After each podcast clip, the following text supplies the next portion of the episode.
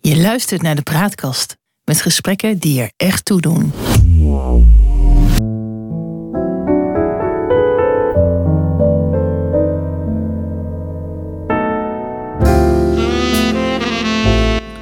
Welkom bij aflevering 2 van het Geheugenpaleis.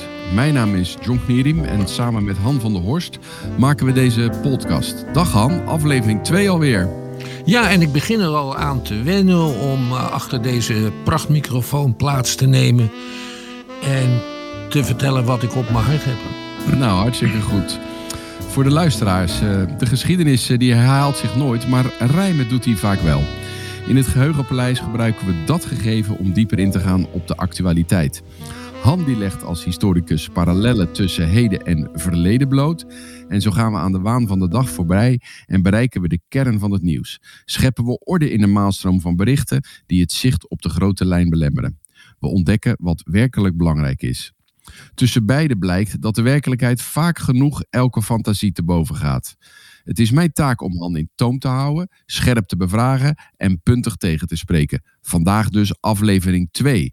Vorige keer bespraken we uh, de politici uit het verleden waar Rutte het meest op leek. Politici zonder echte ideologie en visie en uh, plan, maar wel handig. En hij en zijn voorgangers waren eigenlijk de grote onvermijdelijke.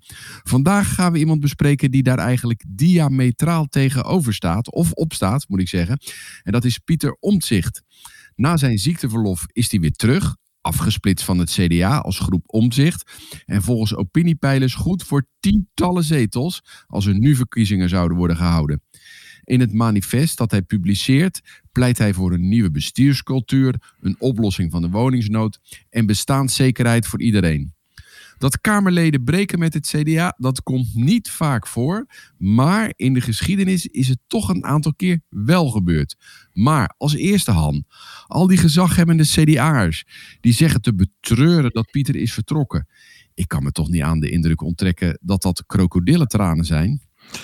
Uh, dat weet ik wel zeker. En ik heb het idee dat ze als ware christenen elke avond nog op de knieën gaan om uh, God of de heilige van hun voorkeur als ze katholiek zijn te danken uh, dat Pieter Omtzigt ze van zo'n groot probleem heeft afgeholpen door zelf op te stappen.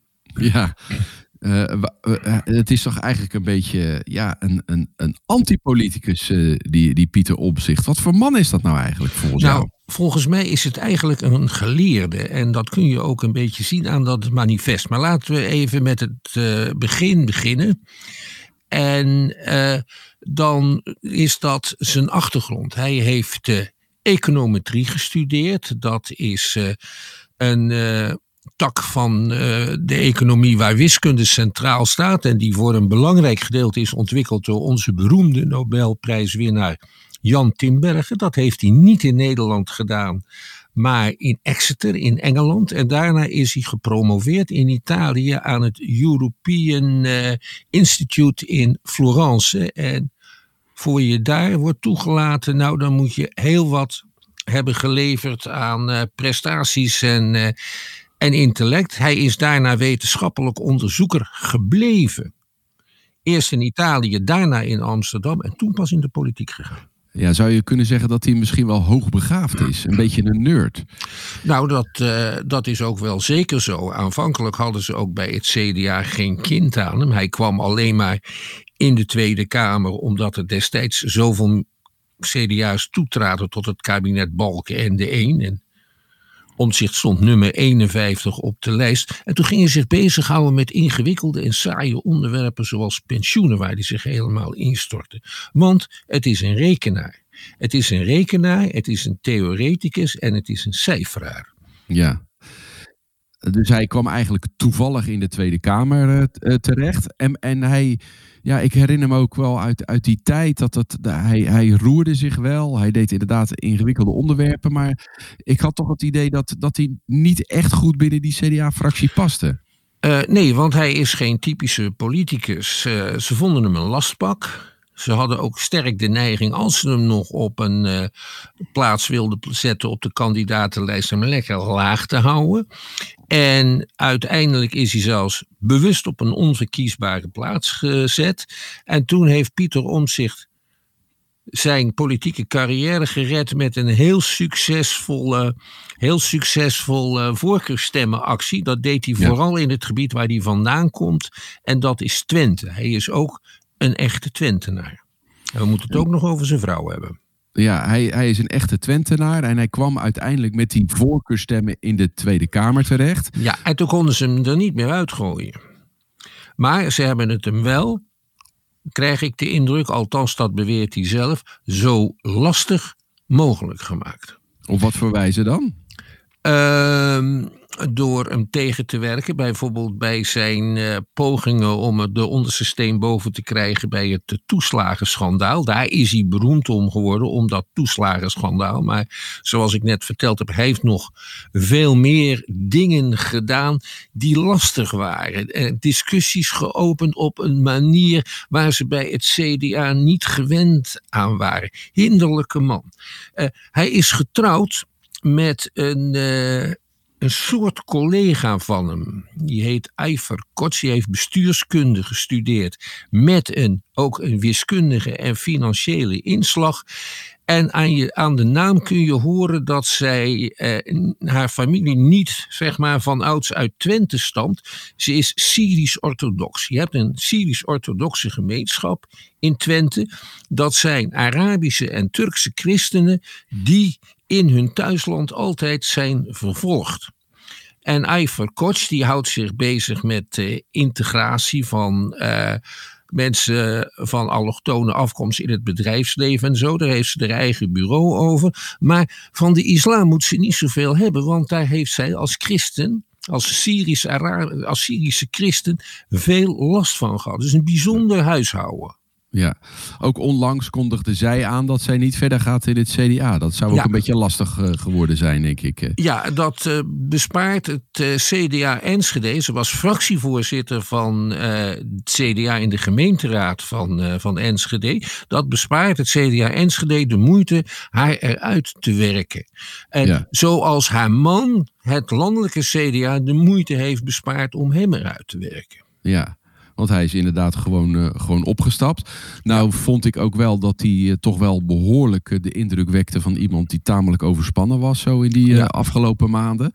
En ja, ik denk dat mensen hem daar beter voor hadden, ja, beter tegen hadden kunnen beschermen tegen zichzelf in die tijd. Ja, dat is natuurlijk waar. Maar goed, dat zijn dingen waar we eigenlijk niet echt zicht op hebben en daarop hebben. Daar kunnen we beter niet zo over gaan zitten speculeren Nee. Laten we het eens hebben over zijn manifest. Ja, zijn sociale contract dat hij uh, geschreven ja. heeft. Een uh, dik stuk papier. Hij heeft ook een wat kleiner verhaal op zijn, uh, zijn website gezet. het klinkt allemaal prachtig, maar het blinkt ook wel uit in abstractie, moet ik zeggen. ja, je kan zien dat het een, een geleerde is. hij gaat uit van de theorie en komt aan het einde een, een beetje toe aan de praktijk. Er is iets heel expliciet belangrijks in dat stuk. God komt er niet in voor. Op geen enkele manier. Dus het is geen stuk waarvan je kan zeggen, nou dat komt nou uit de christendemocratische traditie. Helemaal niet. Hij heeft het over een sociaal contract. Dat is een term die is in de 18e eeuw al verzonnen door uh, een beroemde tijdgenoot van, van Voltaire, Jean-Jacques Rousseau. Die heeft een groot boek geschreven over de achtergronden van de gehoorzaamheid der mensen. Hij legt daarin uit, die Rousseau, dat vroeger was er anarchie en uit zelfbescherming hebben de mensen zich daarna onderworpen aan een staat en, zegt Rousseau, een behoorlijke staat, die uh, wordt gedreven door iets dat noemt hij de volonté générale, zeg maar de algemene wil of de volkswil, dat is, eh, dat is vaag genoeg. En die term gebruikt omzicht. En je kunt aan de manier waarop hij dat uh, doet, uh, zien dat hij is beïnvloed door een Amerikaanse filosoof, die heet John Rawls. En die is door wel meer Nederlandse politici goed gelezen. En die zegt namelijk dat sociale contract, dat moet zich kenmerken door gerechtigheid. En vers 2 is wat die gerechtigheid dan wel moet inhouden. Als je naar het manifest van zich kijkt, dan staat daar inderdaad in wat is belangrijk. Uh, armoedebestrijding, het onderwijs raakt in een crisis omdat te veel mensen functioneel analfabeet zijn. Uh, de, hij gebruikt zelf de term niet, maar Nederland begint een narcostaat te worden. Uh, de flexibilisering op de arbeidsmarkt is uit de hand gelopen. Dat is de diagnose. Maar die diagnose kan door vrijwel elke partij onderschreven worden. En ook de VVD bij, bijvoorbeeld zal zeggen: maar onze maatschappij waar wij naar streven, die wordt gekenmerkt door gerechtigheid. Want ze hebben, elke partij heeft zijn eigen opvattingen over gerechtigheid.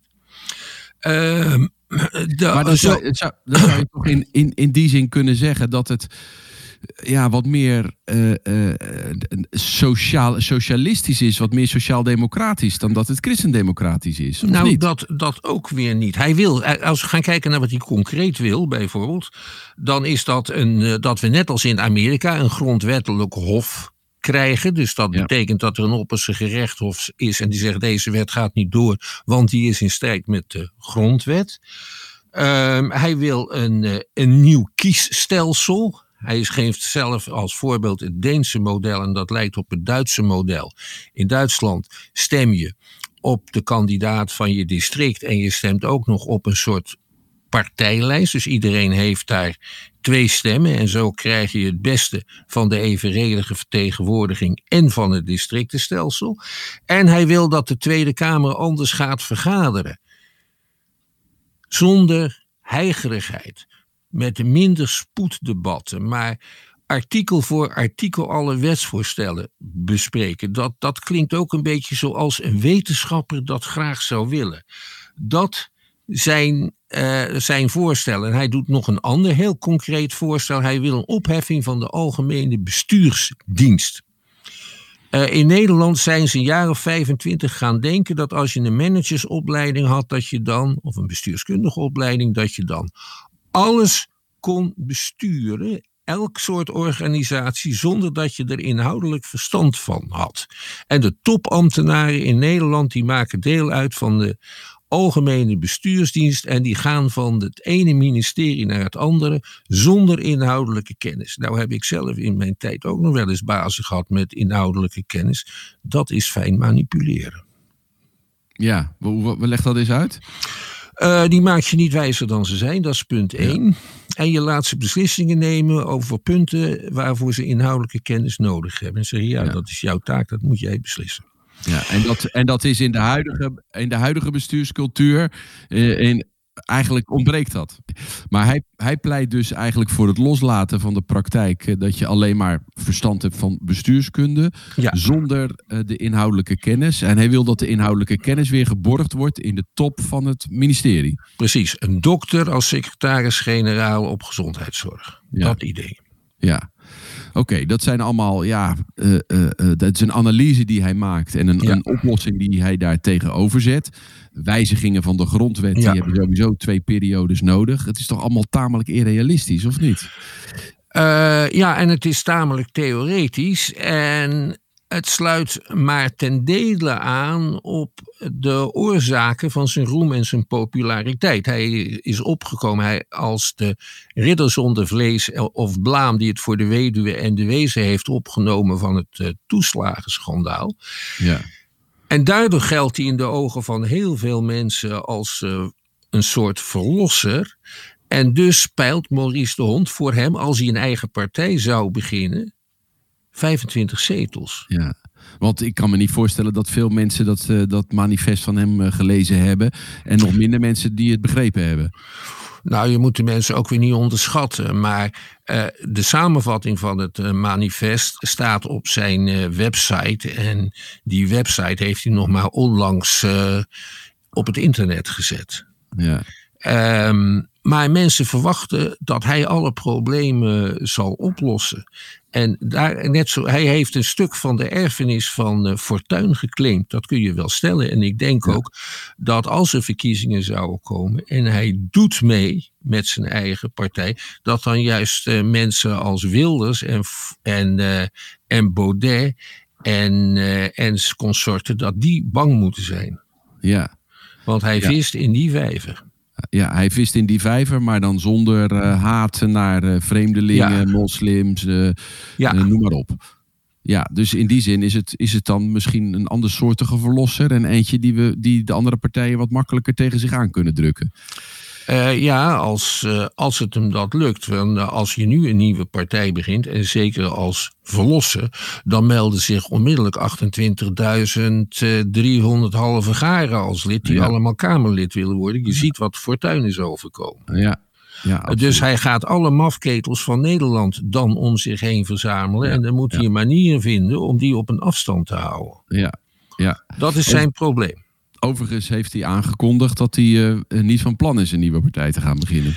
Nee, maar plannen, mensen kunnen van mening veranderen. Ja, hij heeft gezegd ja. dat hij vooralsnog niet van plan is om een nieuwe partij uh, te beginnen. Althans, dat vertelde Hoekstra uh, op zondag 12 september bij WNL op zondag. En ja. hij sprak dat vooralsnog uit.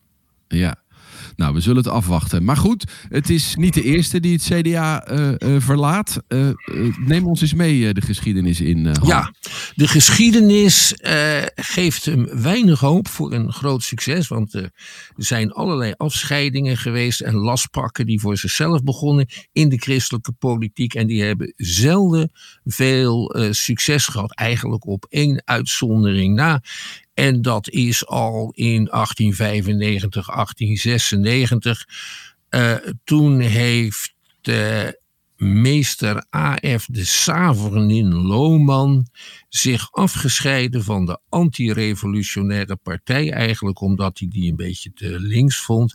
En uit, uh, hij nam een aantal Kamerleden meteen mee, hè, wat nu uh, omzicht niet lukt. En daaruit is een partij voortgekomen nu onderdeel van het CDA, de Christelijk Historische Unie. Maar dan zitten we diep in het verleden. Dat is het enige, enige wat je een succes zou kunnen noemen.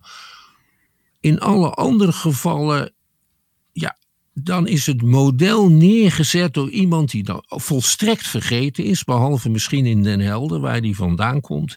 Uh, dat is Andries Popke Staalman die een boekwinkeltje had in Den Helder en een krantje uitgaf en die het opnam voor het marinepersoneel, want dat werd beestachtig behandeld en buitengewoon slecht betaald. Daar kwam hij voor op, daar is hij zelfs voor in de gevangenis gekomen. En toen besloot hij de politiek in te gaan en zich aan te sluiten bij een partij die zei het ook op te nemen voor de kleine man. En dat was de antirevolutionaire partij, de eerste politieke partij in Nederland, gesticht in 1879.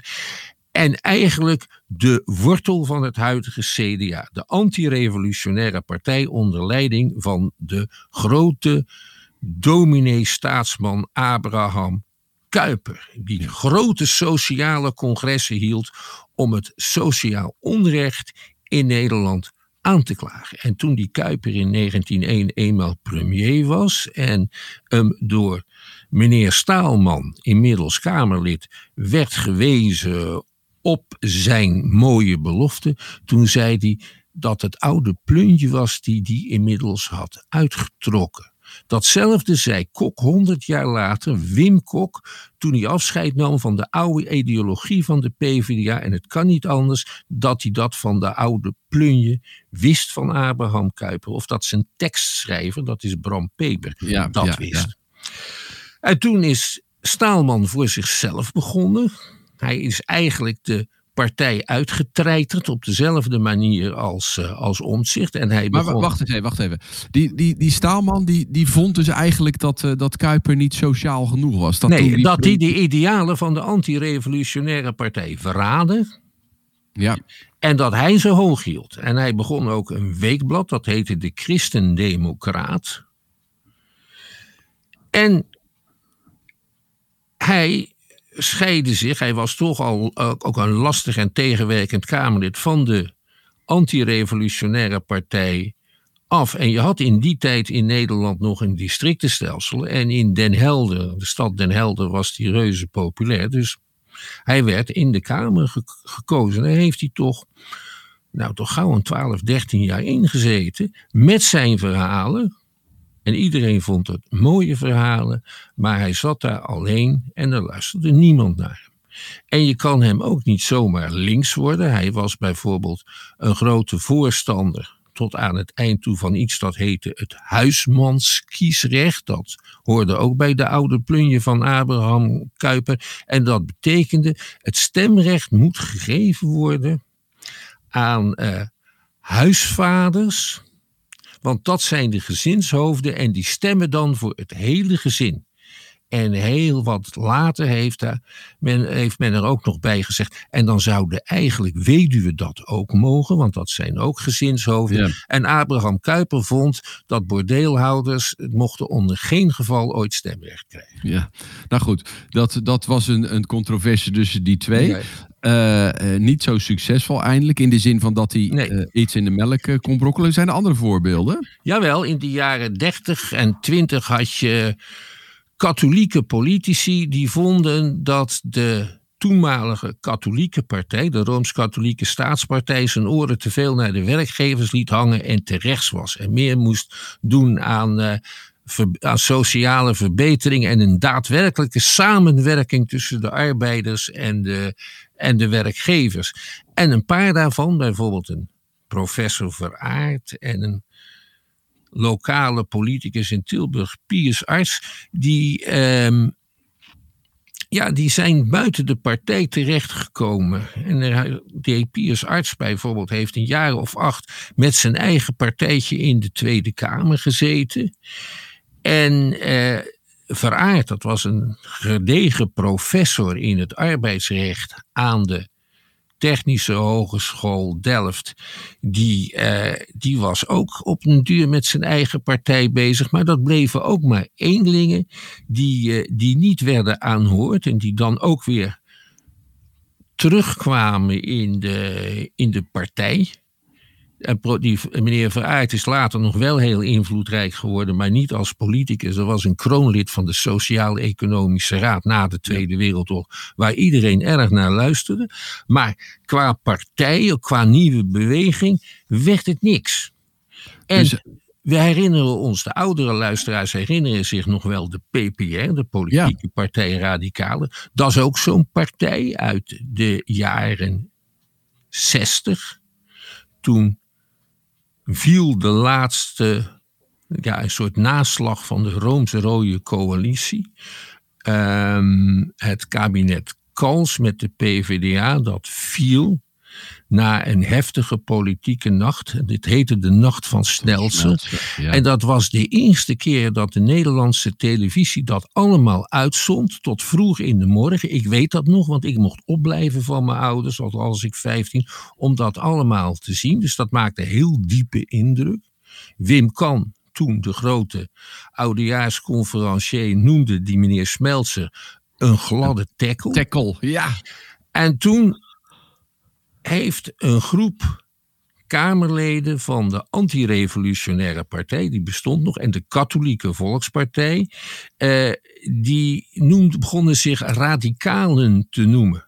Maar waarom, zij, wa zij, waren, zij waren radicale christendemocraten en daarom waren ze voor voortzetting van samenwerking met progressieve partijen. Dus het was eigenlijk echt de linkervleugel van, ja. van, van ja, ze komen voort uit, uit de katholieke volkspartij? Uit de, vooral uit de katholieke ja. volkspartij, maar ook uit de anti-revolutionaire partij. Want dat zijn gereformeerden. Dus een gereformeerde partij was dat. Dus ja. een partij van tobbers en gewetensonderzoekers. Ja. Uh, dus daar zaten ook veel radicalen in. Bijvoorbeeld Bas de. En uh, een heel klein beetje in de Christen... Uh, Historische Unie eigenlijk maar één. En een die heette Huizen en die heeft een leuk boek daarover de CHU geschreven. Dat heette dat boek Oude Wijn en Oude Zakken. Ja. Maar goed, die, die PPR die, uh, is in de ja. Tweede Kamer terechtgekomen. Uiteindelijk opgegaan ja. in GroenLinks. Ja, uiteindelijk wel. Uh, de christenradicalen, een paar daarvan, die zijn op den duur... hebben zich van de KVP afgescheiden. Niet van de AR, maar wel de, de katholieken. Die scheiden zich af. Drie leden verlieten de fractie. Die hebben de PPR gesticht, de politieke partij Radicalen. En bij de volgende verkiezingen in 71 had die PPR twee zetels. Dat was heel weinig, terwijl ze hoopten op veel meer, omdat ze dachten, je had toen nog een aparte katholieke vakbeweging met, uh, met meer dan een miljoen leden, die gaan op ons stemmen. Maar dat gebeurde helemaal niet. En de PPR heeft wel één keer zeven zetels gehad. Ja. En ministers in het kabinet Den Uyl, maar daarna werd het ook een, een eenlingenpartij, geleid door een mevrouw, Ria Bekkers. Ja. En dat was een zeer gerespecteerd Kamerlid.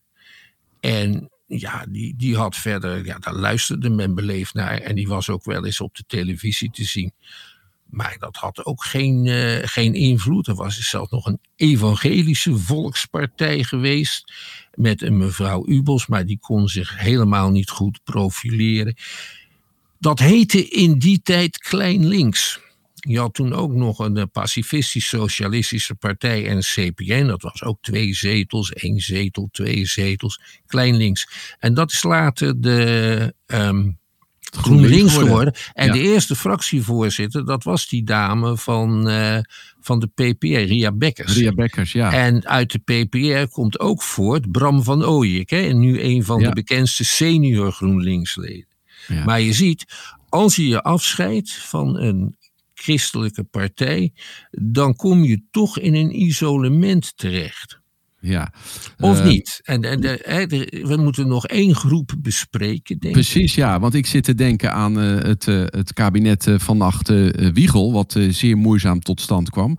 Want daar waren toch wel een tiental Kamerleden, meen ik me te herinneren, die niet zo voor dat kabinet waren en, en die zichzelf volgens mij de loyalisten noemden. Die noemden zich de loyalisten omdat ze het kabinet niet ten val brachten. Ze hadden veel liever een voortzetting gezien van het vorige kabinet, het kabinet Den Uyl. De loyalisten die zaten dus links in, de, in het CDA, dat was toen net aan het ontstaan en die konden moeilijk doen intern. En Maar volgens mij hebben ze dat ook behoorlijk ook. Ja, dat hebben Ja. ze behoorlijk gedaan. Dus allerlei te rechtse maatregelen die het kabinet van Acht Wiegel van plan was, hebben zij weten tegen te houden. Want ze konden met z'n tienen het kabinet wel ten val brengen als Ja. ze het zouden willen. Dat deden de loyalisten niet en ze zijn later ook allemaal wel gestraft. Ehm, voor, eh, voor hun zonde, want ze zijn wel uit de politiek gedrongen. En eh, ja, nog één ding wat ik eigenlijk moet zeggen, wat ik ben vergeten. Van die christenradicalen waar ik het over had. Ja. Eén bekende christenradicaal, dat was een hele linkse werkgever, die heette Ruud Lubbers.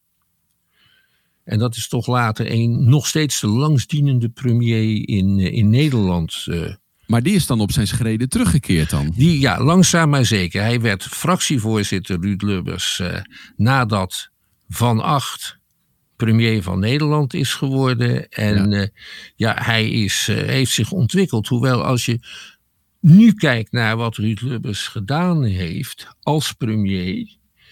ehm, en je vergelijkt dat met wat nu mainstream politiek is, dan is dat toch, was dat toch vrij progressief. En nadat zijn politieke carrière afgelopen was, is uh, Lubbers zich ook uh, met het vluchteling, het internationale ja. vluchtelingenwerk gaan benoemen. Dus je moet hem niet te, te, te rechts afschilderen. Als je dat nou ja. vergelijkt met wat nu heel normaal en mainstream is, dan. Ja. Uh, wat je leest anders. in, in zijn, uh, in zijn, in zijn, zijn biografie die uh, vorig jaar verscheen, is dat hij toch eigenlijk daar wel mee worstelde en altijd wel ook naar die sociale kant gekeken heeft. Ja. En ik denk dat dat dan ook de manier is geweest waarop hij eigenlijk die loyalisten heeft ingepalmd. Ja, natuurlijk op die, op die manier. En allerlei bezuinigingsmaatregelen konden niet doorgaan. En het grote begrotingstekort van de jaren 80 dat is voornamelijk veroorzaakt door het kabinet uh, van Acht Wiegel. Het waren van Acht en Wiegel waren zelf nogal relaxte personen. Uh, Wiegel was een hele rustige, gematigde minister van Binnenlandse Zaken. Hè. Zijn radicale praatjes en zijn scheldpartijen tegen links en zo. Dat is voor de bühne. Maar in de praktijk is het een buitengewoon redelijke bestuurder. En ja. over Van Acht wordt de volgende anekdote verteld. Hij woonde in het Katshuis en daar vergaderde ook de ministerraad. En op een ochtend verscheen om 11 uur Van Acht in zijn kamerjas boven aan de trap. En zei tegen de ministerraad: Ik zie dat u al begonnen bent. En volgens mij kunt u het zonder mij prima af. En toen ging hij weer naar bed. Ja, precies. Die was op een bepaalde manier heel gemakkelijk daarin. Ja. Maar goed, wat is nou eigenlijk de les voor Pieter Omtzigt eh, eh, eh, daarin? En, en het heeft Ik- niet zoveel zin om je te keren tegen het CDA als geheel, want dat loopt voor jezelf niet goed af. Maar aan de andere kant, het CDA is ook een partij geworden van een witte man boven de 65, Ja. Eh, eh, eh, christelijk en wonend in Tubbergen.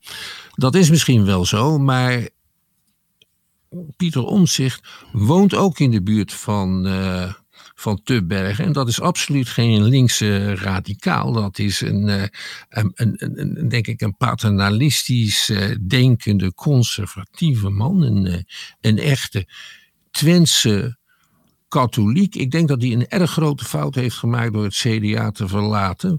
Als hij dat niet had gedaan, had hij het congres van het CDA, dat laatste crisiscongres van het CDA, absoluut kunnen domineren. Ja. En hij was er misschien wel als partijleider eh, uitgekomen. Maar die kans heeft hij voorbij eh, laten Ja. gaan. En Hij- jij, jij, jij voorspelt dus eigenlijk dat als, als hij geen, ja, geen partij begint, dan, dan, dan loopt het helemaal slecht met hem af. Maar als hij wel een partij begint, dan zou hij toch best eens 25 zetels kunnen halen. Ja, of vooropgesteld dat hij het goed op kan zetten. Ja. En hij moet ook zorgen dat hij in de tussentijd niet vergeten wordt. Hè. De dreiging van die 25 zetels zal ervoor zorgen dat we of bij wijze van spreken over een maand al nieuwe verkiezingen hebben, of de eerstkomende vier jaar niet. Maar een verkiezingsstrijd met daarin een goed georganiseerde partij van Pieter Omzicht, met daarin een aantal persoonlijkheden met talent. Ja, Ja. En niet mensen die elders uit de politiek verdreven zijn en allerlei halve garen. Dat zou een groot gevaar kunnen zijn voor het huidige politieke establishment. En daarom komt er, eh, denk ik, ook vrij snel een minderheidskabinet. Want ze zijn bij de VVD ook niet gek. Overal ziet men de mogelijke bui hangen. Ja. Maar ik denk dat uiteindelijk Pieter Omtzigt ehm, zich buitenspel heeft gezet. En zijn vrouw ook. Nou, laten we met eh, die woorden dan eh, deze podcast eh, beëindigen. En we gaan het de komende maanden zien wat hiervan bewaarheid zal gaan worden. Nou ja, dit was dan de tweede aflevering van het Geheugenpaleis. We maken dit in samenwerking met de Praatkast. Abonneer je op onze podcast in je favoriete podcast, podcast app. En vertel je vrienden erover. En zorg er op die manier voor dat we nog beter gevonden worden. Laat ook een beoordeling achter. Wil je ons mailen? Stuur dan een bericht naar info.praatkast.nl info.praatkast.nl Voor nu dank voor het luisteren en tot een volgende keer. Tot de volgende keer. Blijf gezond en geniet van het leven.